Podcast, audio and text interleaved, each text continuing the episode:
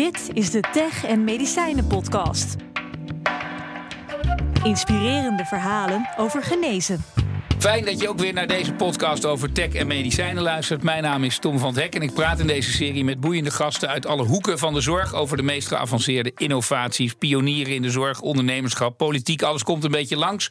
Vereniging Innovatieve Geneesmiddelen maakt deze podcast eh, mogelijk, omdat zij het belangrijk vinden dat BNR professionals op een journalistieke wijze aan het woord laat over een aantal zaken die nu versnipperd of soms zelfs helemaal niet ter sprake uh, komen. Luisteren dus, want vandaag ga ik in gesprek met Hans van Snellenberg oprichter van de Hartwig eh, Medical Foundation. En Paul Roepman, moleculair bioloog in de pathologie. Heren, beide welkom. Uh, Hans Snellenberg, ik ga met u beginnen. Uh, de, de, de Hartwig uh, Foundation, wat, wat, wat, doen die? Wat, waar moet ik aan denken? De Hartwig Medical Foundation is opgericht om de behandeling van kankerpatiënten te verbeteren. En dat doen we op twee manieren. Eén is door uh, grote klinische studies in het oncologieveld te ondersteunen. En daarbij maar zeggen het hele genoom van een patiënt te analyseren. Waarbij we alle mutaties in kaart uh, brengen. Dat doen we door middel van een patiëntrapport. En aan de andere kant bouwen we met die data en de klinische data, dus de uitkomsten van die behandeling, bouwen we een database op waarmee we onderzoekers ondersteunen om de relatie te leggen tussen aan de ene kant DNA-mutaties in de tumor en de werking van de medicijnen aan de andere kant. Dan kom ik even bij uh, jouw buurman, Paul Roepman, moleculair uh, bioloog. Uh, aanvankelijk in een, mag ik zeggen, gewoon ziekenhuis werkzaam. Ja, nee, in een van de topklinische ja. ziekenhuizen, Antonius ziekenhuis in Nieuwegein. Ja, zeker. En, en, nu de overstap gemaakt. Ja. En, waarom en wat is het grote verschil? nou, waarom en het grote verschil is dezelfde reden. Waar ik in, tijdens mijn opleiding en daarna ook in, nou, in mijn werkzaamheden bij het Antonius ziekenhuis tegenaan liep, was wel dat er, ehm, dat er bevindingen waren in de, in de tumor. Dat er ja. bepaalde afwijkingen in de tumor gevonden waren waar niet naar gehandeld kon worden. Terwijl je als moleculair bioloog wel echt de interpretatie had van ja, daar, daar moeten we iets mee, of daar moeten we iets van leren, daar moeten we iets mee kunnen.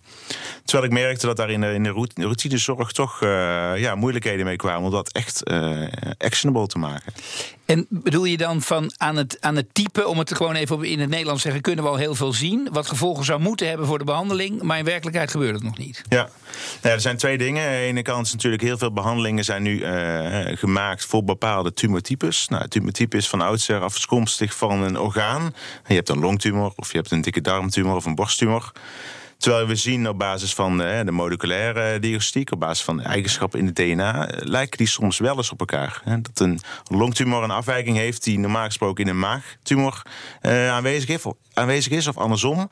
Terwijl je dan alleen maar bijvoorbeeld een longtumor kan behandelen, omdat dat medicijn geregistreerd is voor longtumor. Um, Hans Snellenberg, wat was de reden om, voor jou om dit te starten? Nou, in 2005 kreeg mijn vader slokdarmkanker met uitzaaiingen in zijn lever en in zijn lymfe. En in het gesprek wat hij toen de tijd met de oncoloog had, waar ik uh, naast zat, uh, zei de oncoloog: Ja, we kunnen niet zo heel veel meer voor u doen, maar we zouden nog chemo kunnen doen. En, maar ik moet u er wel bij vertellen, dat uh, gaat maar bij 30% van alle patiënten werken. En mijn vader stelde natuurlijk de bekende ja. vraag: hoe ik bij die 30%? En het antwoord op die vraag kon die oncoloog niet geven. Uh, en eigenlijk uh, hebben wij daarna we zeggen de zoektocht, daar zijn wij ingegaan om een antwoord op, op, die vraag te krijgen van waarom weten we eigenlijk uh, niet meer dan dat? Waarom kunnen we zeggen voorafgaand aan een behandeling niet beter inschatten of een bepaalde behandeling wel of niet gaat werken? En als je nu kijkt, dan zijn we zo'n 13 jaar verder. In hoeverre lukt dat ons nu? Want we, we willen natuurlijk allemaal graag. Hoe, hoe, hoe ver staat het? Wat belangrijk is, is te beseffen is dat kanker in principe een individuele ziekte is. Dus het is niet zo dat, dat je zeggen, de, de cure voor cancer gaat vinden. Wat je wel uh, kan vinden is door als je op grote schaal onderzoek doet naar die DNA-mutaties, dat je een veel grotere kans hebt om verbanden te leggen. En als je kijkt naar hoe, ver we nu zijn na die 13 jaar, dan hebben we de laatste drie jaar een enorme versnelling doorgemaakt. Omdat we een database hebben opgebouwd waarin gegevens zitten van nu bijna 3000 patiënten, eind van het jaar 4000 patiënten. En we zien nu op basis van de data die in die database zitten, dat er maar zeggen aanknopingspunten beginnen te ontstaan voor de relatie tussen mutaties die we zien en effectiviteit van de behandeling aan de andere kant. Paul, het woord data valt. Je, je, moet natuurlijk een aantal, je moet, veel hebben. Werken jullie veel samen? En, is de bereidheid tot samenwerking groot in de zorg? Ja, nou ja, in ieder geval in die, in die hè, de Hartwig Medical Foundation die, uh, die ondersteunt natuurlijk twee grote klinische studies in Nederland. En waarin we met heel veel ziekenhuizen samenwerken, 49 ondertussen. En je ziet zeker dat uh, binnen die studies uh, enorm veel samenwerking is om, om, om deel te nemen aan, aan dit initiatief. Wat ik wel merk, ook vanuit mijn tijd in de, in de routinezorg is dat het wel lastig blijkt om te leren van, uh, van medicatie in de, in, de, in, de, in de reguliere behandeling. Uh, en daar, uh, recentelijk is er ook een studie, de DRUP-studie, daar komen we misschien later nog op, waarin we eigenlijk gaan kijken van wat kunnen we uh, medicijnen inzetten, bestaande medicijnen die, die veilig zijn bevonden, maar kunnen we die inzetten op een, een, een andere tumortype dan waarvoor ze bedoeld waren? Nou, dat is een, een relatief eenvoudige insteek. Maar het blijkt moeilijk dat als dat in ziekenhuis A gebeurt, en daar komt natuurlijk een bepaalde resultaat uit, dat ziekenhuis B, die hetzelfde idee krijgt, dat hij niet weet wat er in ziekenhuis A uh, uiteindelijk van gekomen is. Heeft die patiënt wel of niet gereageerd? En is dat uh, omdat men dat niet wil, of is dat omdat we dat logistiek nog niet op orde hebben met ja, het is dat laatste. De wil is er zeker, maar het blijkt toch uh, heel lastig te zijn, uh, bijna tot het onmogelijke toe, om die kennis makkelijk te, te verspreiden naar je collega's in een ander instituut. Um, Even een, een, hele vraag tussendoor uh, aan de ondernemer. Want je hebt, je hebt ook geld nodig om zoiets op te zetten. Het is een, een dure wereld waarin jullie je begeven. Hoe, hoe werkt dat? Nou, we zijn uh, gestart eigenlijk uh, met het initiatief van vier mensen die ooit de schouders eronder hebben gezet in 2006. En die hebben toen eigenlijk uh, het geld bij elkaar gebracht om de eerste sequencer, dat is het apparaat ja. waar je DNA mee afleest, om die in Nederland naar binnen toe te krijgen. en we hebben het, het geluk gehad om in 2010 ehm, kennis te maken met de, de Hartwig Foundation.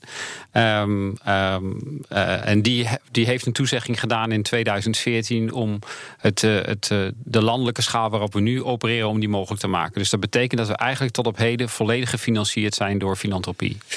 Maar dat betekent ook, als je naar de toekomst kijkt, dat in ons zorgstelsel, waarin we met z'n allen op zoek zijn, want jullie zeggen ook, hè, al die reguliere mensen willen graag met jullie meewerken, dan denk ik aan verzekeraars, aan anderen. Hoe, hoe lopen die kon? Ik neem ongetwijfeld aan dat je daar wel eens koffie gedronken hebt, al Hans. Ja, zeker. We hebben veel koffie gedronken, regelmatig koffie gedronken. En uh, het, het, goede nieuws is dat zij natuurlijk ook zien dat op het moment dat je beter gaat behandelen, en want wij zijn er natuurlijk primair voor de ja. patiënt, dat je ook minder kosten kwijt bent. Hè? Want op het moment dat je een duur medicijn toedient en het werkt maar bij twee van de tien patiënten, dan helpt het ook op het moment dat je beter voorspelt dat die ratio's verbeteren. Dus zij zien dat zeker zitten. Um, waarbij het spanningsveld natuurlijk altijd is, is dat soms moet je eerst heel veel data verzamelen om bewijslast te genereren, voordat je het bewijs ook echt hebt. Uh, en uh, dat is natuurlijk lastiger als je praat met de zorgverzekeraars die zeggen wij willen graag participeren als je het bewijs hebt, maar in de fase van, ja. van bewijsvoering vinden zit er natuurlijk ook voor hun een risico aan vast. Maar zij zijn welwillend om, uh, om, dit, om dit ook verder te ondersteunen.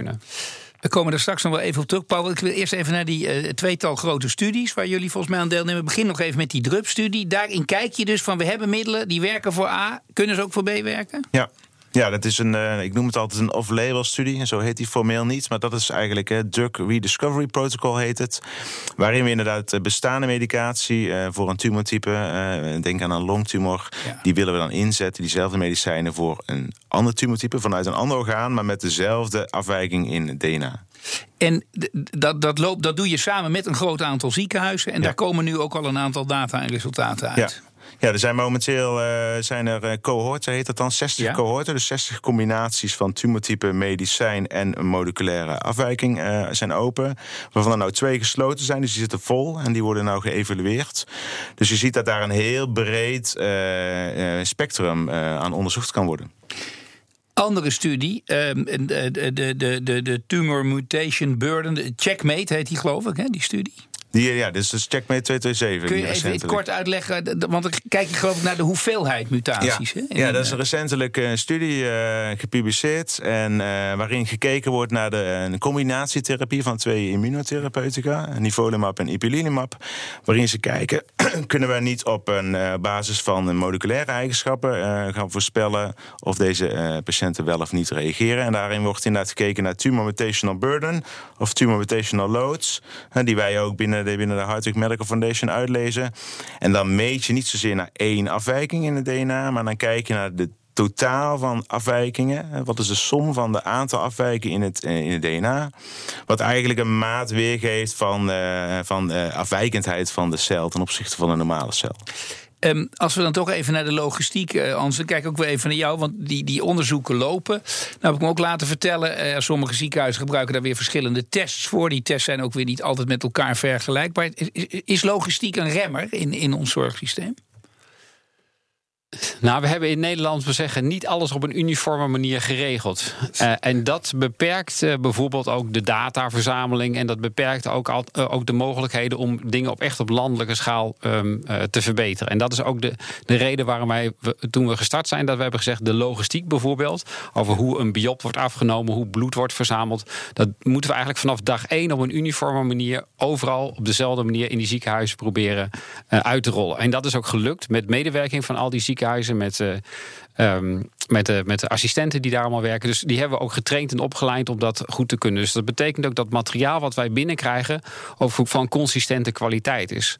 En we weten allemaal, hè, dus garbage in, garbage uit. Op het moment dat je aan het begin het goed geregeld hebt, en dat geldt ook voor de data, uh, dan weet je ook dat de uitkomsten van de bewerkingen die je aan het eind doet, dat die ook betrouwbaar zijn. Dus de consistente set van data die wij hebben, die zijn ook wereldwijd uniek.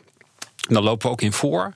Uh, dus zowel we zeggen, in het analyseren van de data, als het sequencen van de data, als ook bij het afnemen van het materiaal ja, is dat van ongehoorde kwaliteit. Dus de uitkomsten die we hebben, uh, die kunnen we ook heel goed gebruiken dan. Uh, of die kunnen die ja. onderzoekers ook heel ge goed gebruiken voor, uh, voor Discovery. nou kan ik me wel voorstellen, en dan kijken we even naar de moleculaire biologie. Dit kan je niet in elk centrum op elke plek nee. doen.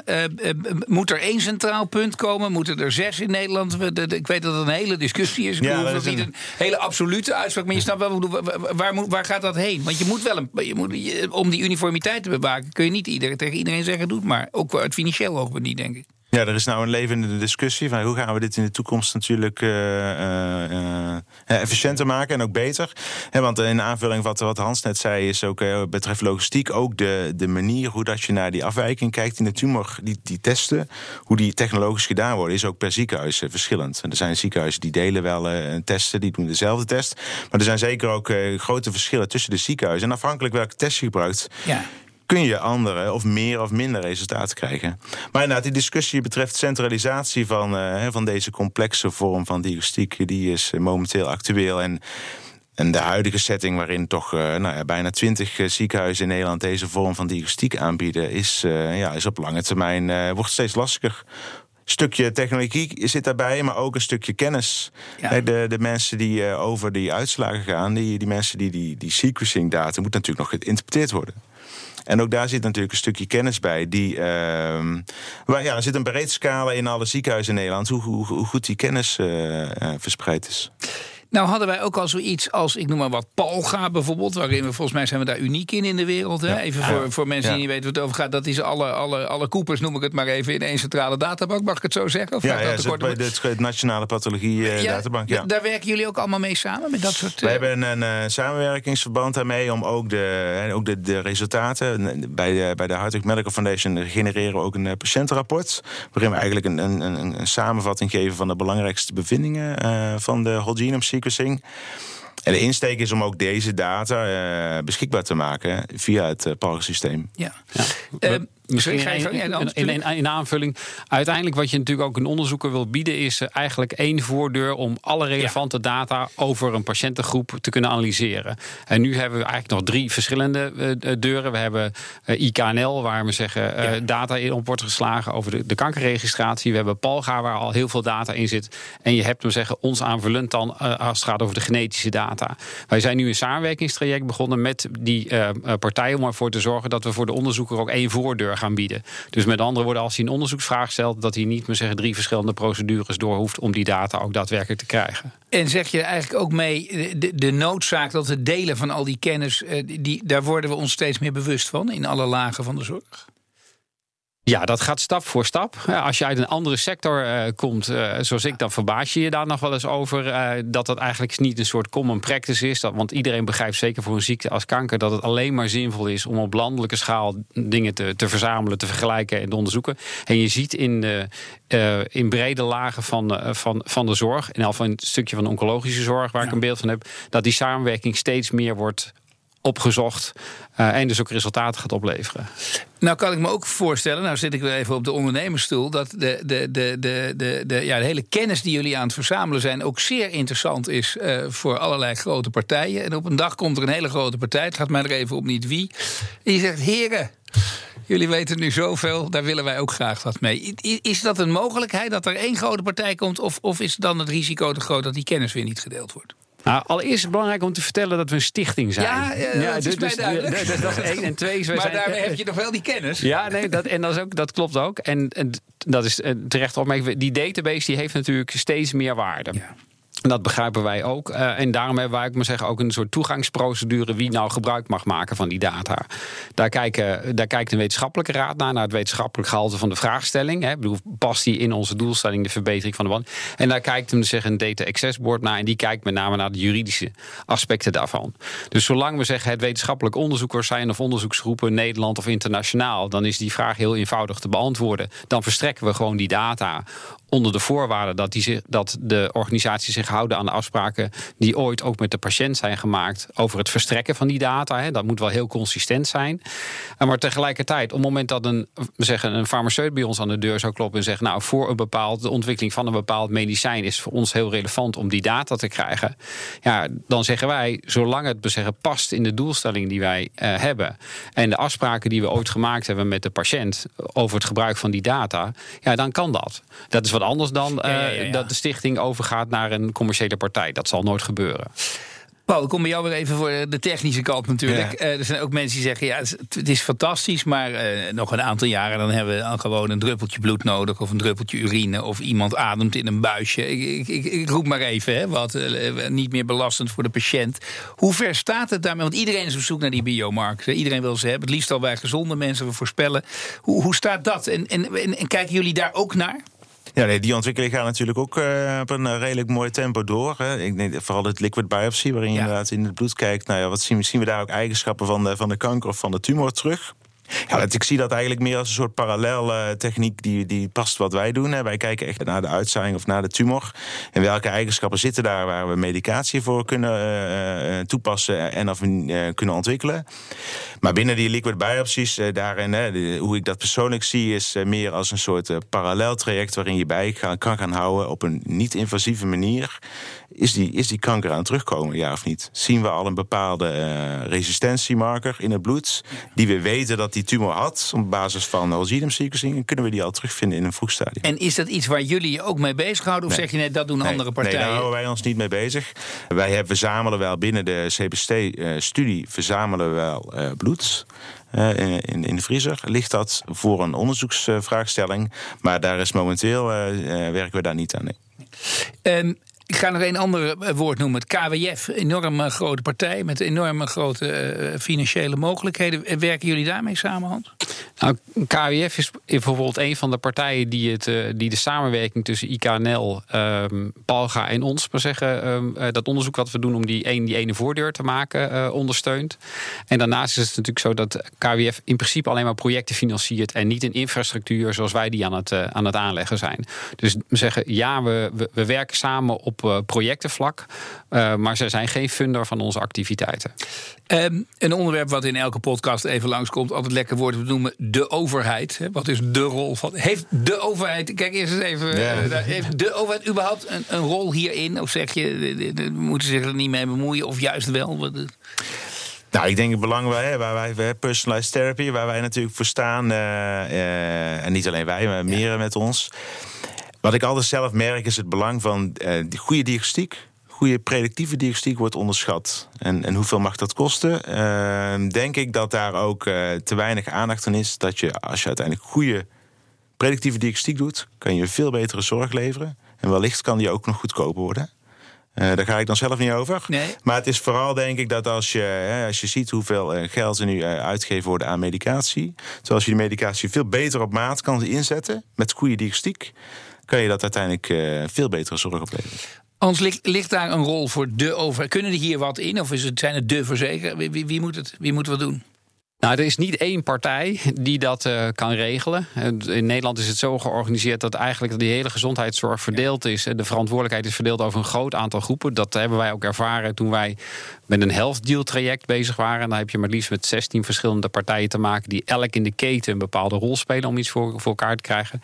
De grootste uitdaging die ik zie en waar ik denk dat de overheid een belangrijke rol in, in heeft, is dat um, we hebben een paar dingen in Nederland heel goed geregeld, namelijk de scheiding tussen zorg en onderzoek. En daar is heel veel voor te zeggen. Want in onderzoek uh, doe je dingen die je nog niet in de diagnostiek kan doen. Maar de tijd voordat iets vanuit het onderzoek in de diagnostiek zit, is extreem lang.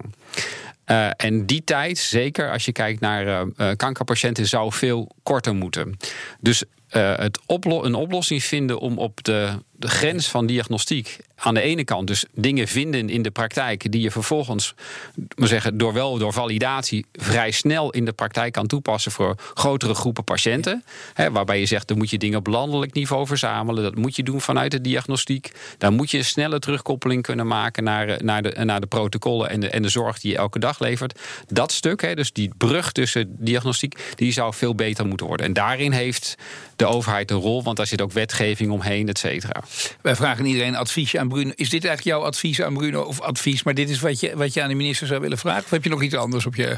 Nou, ik zou hem eerst een compliment willen maken. Want hij heeft besloten om 105 miljoen euro ter beschikking te stellen. om juist dit eigenlijk voor elkaar te krijgen. Uh, en ik zou hem dan tegelijkertijd adviseren om datgene wat Paul net zegt. is namelijk de verbetering van de predictieve di diagnostiek. Om daar maar zeggen echt een punt van te maken.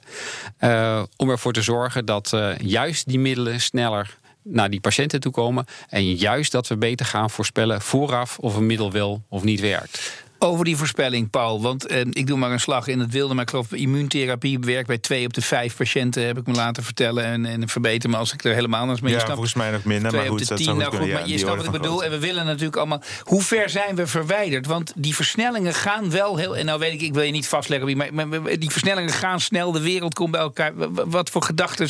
Waarvan denk jij nou? Maar bij het kerstdiner van 2000 zoveel vertel ik, uh, jongens, ja, we zijn een hele. Nee. Ik waag me niet aan deze soort voorspellingen, nee. maar je, je ziet wel natuurlijk dat uh, als, je, als je terugkijkt, af vijf jaar geleden had niemand het nog over immunotherapie.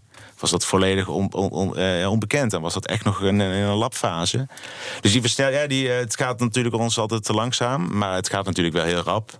En ik denk wel, de richting die we nu inslaan met de immunotherapie voor de diagnostiek, waarin we gaan kijken naar die mutational burden, de mutational loads. Eh, ook microsatellietinstabiliteit komt daar uh, nu bij kijken. En ik denk wel dat die, die weg die we nu inslaan, waarin we echt gaan kijken naar de complexiteit van de tumor, echt gaan snappen hoe een tumor groeit en werkt. En daarna gaan handelen. Ik denk wel dat we die weg uh, de, de, juiste weg is. En dat we binnen, nou ja, welk, welk jaar we wel een goed kerstdiner kunnen houden, weet ik niet. Okay, maar, maar, het zal snel, het zal denk ik sneller gaan dan we, we nu We zitten in een, in een, in een, in een versnelling. Ja. Dat is wel ja, het gevoel van veel ja. mensen. Um, over snel, uh, Hans Snellenberg, uh, ondernemer die de zorg in komt, gaat het hem nooit snel genoeg. Correct. Uh, zei je al. Uh, heb je ook voordelen ontdekt dat sommige dingen minder snel gaan? Of snap je ook nu na een aantal jaren in dat zorgveld rondlopen dat sommige dingen misschien ook wat anders gaan dan dat je chocomel verkoopt of Coca-Cola? Daar zorgvuldigheid is natuurlijk uh, een kernbegrip in, uh, in de zorg. En uh, het waarborgen van de belangen van de patiënt. Hè, vanaf het moment dat hij toestemming geeft om zijn lichaamsmateriaal af te, af te staan. en de zorgvuldigheid waarmee je zeggen, de, de data verzamelt. En uiteindelijk tot conclusies komt die je maar zeggen, ook kan omzetten ehm, in, in behandeling. Ja, dat is wel um, kern.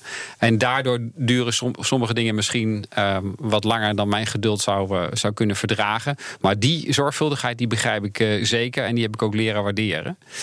Um, ja, andersoortige, andersoortige uh, uh, vertraging, daar heb ik minder, uh, kan ik minder waardering voor opbrengen. Ja.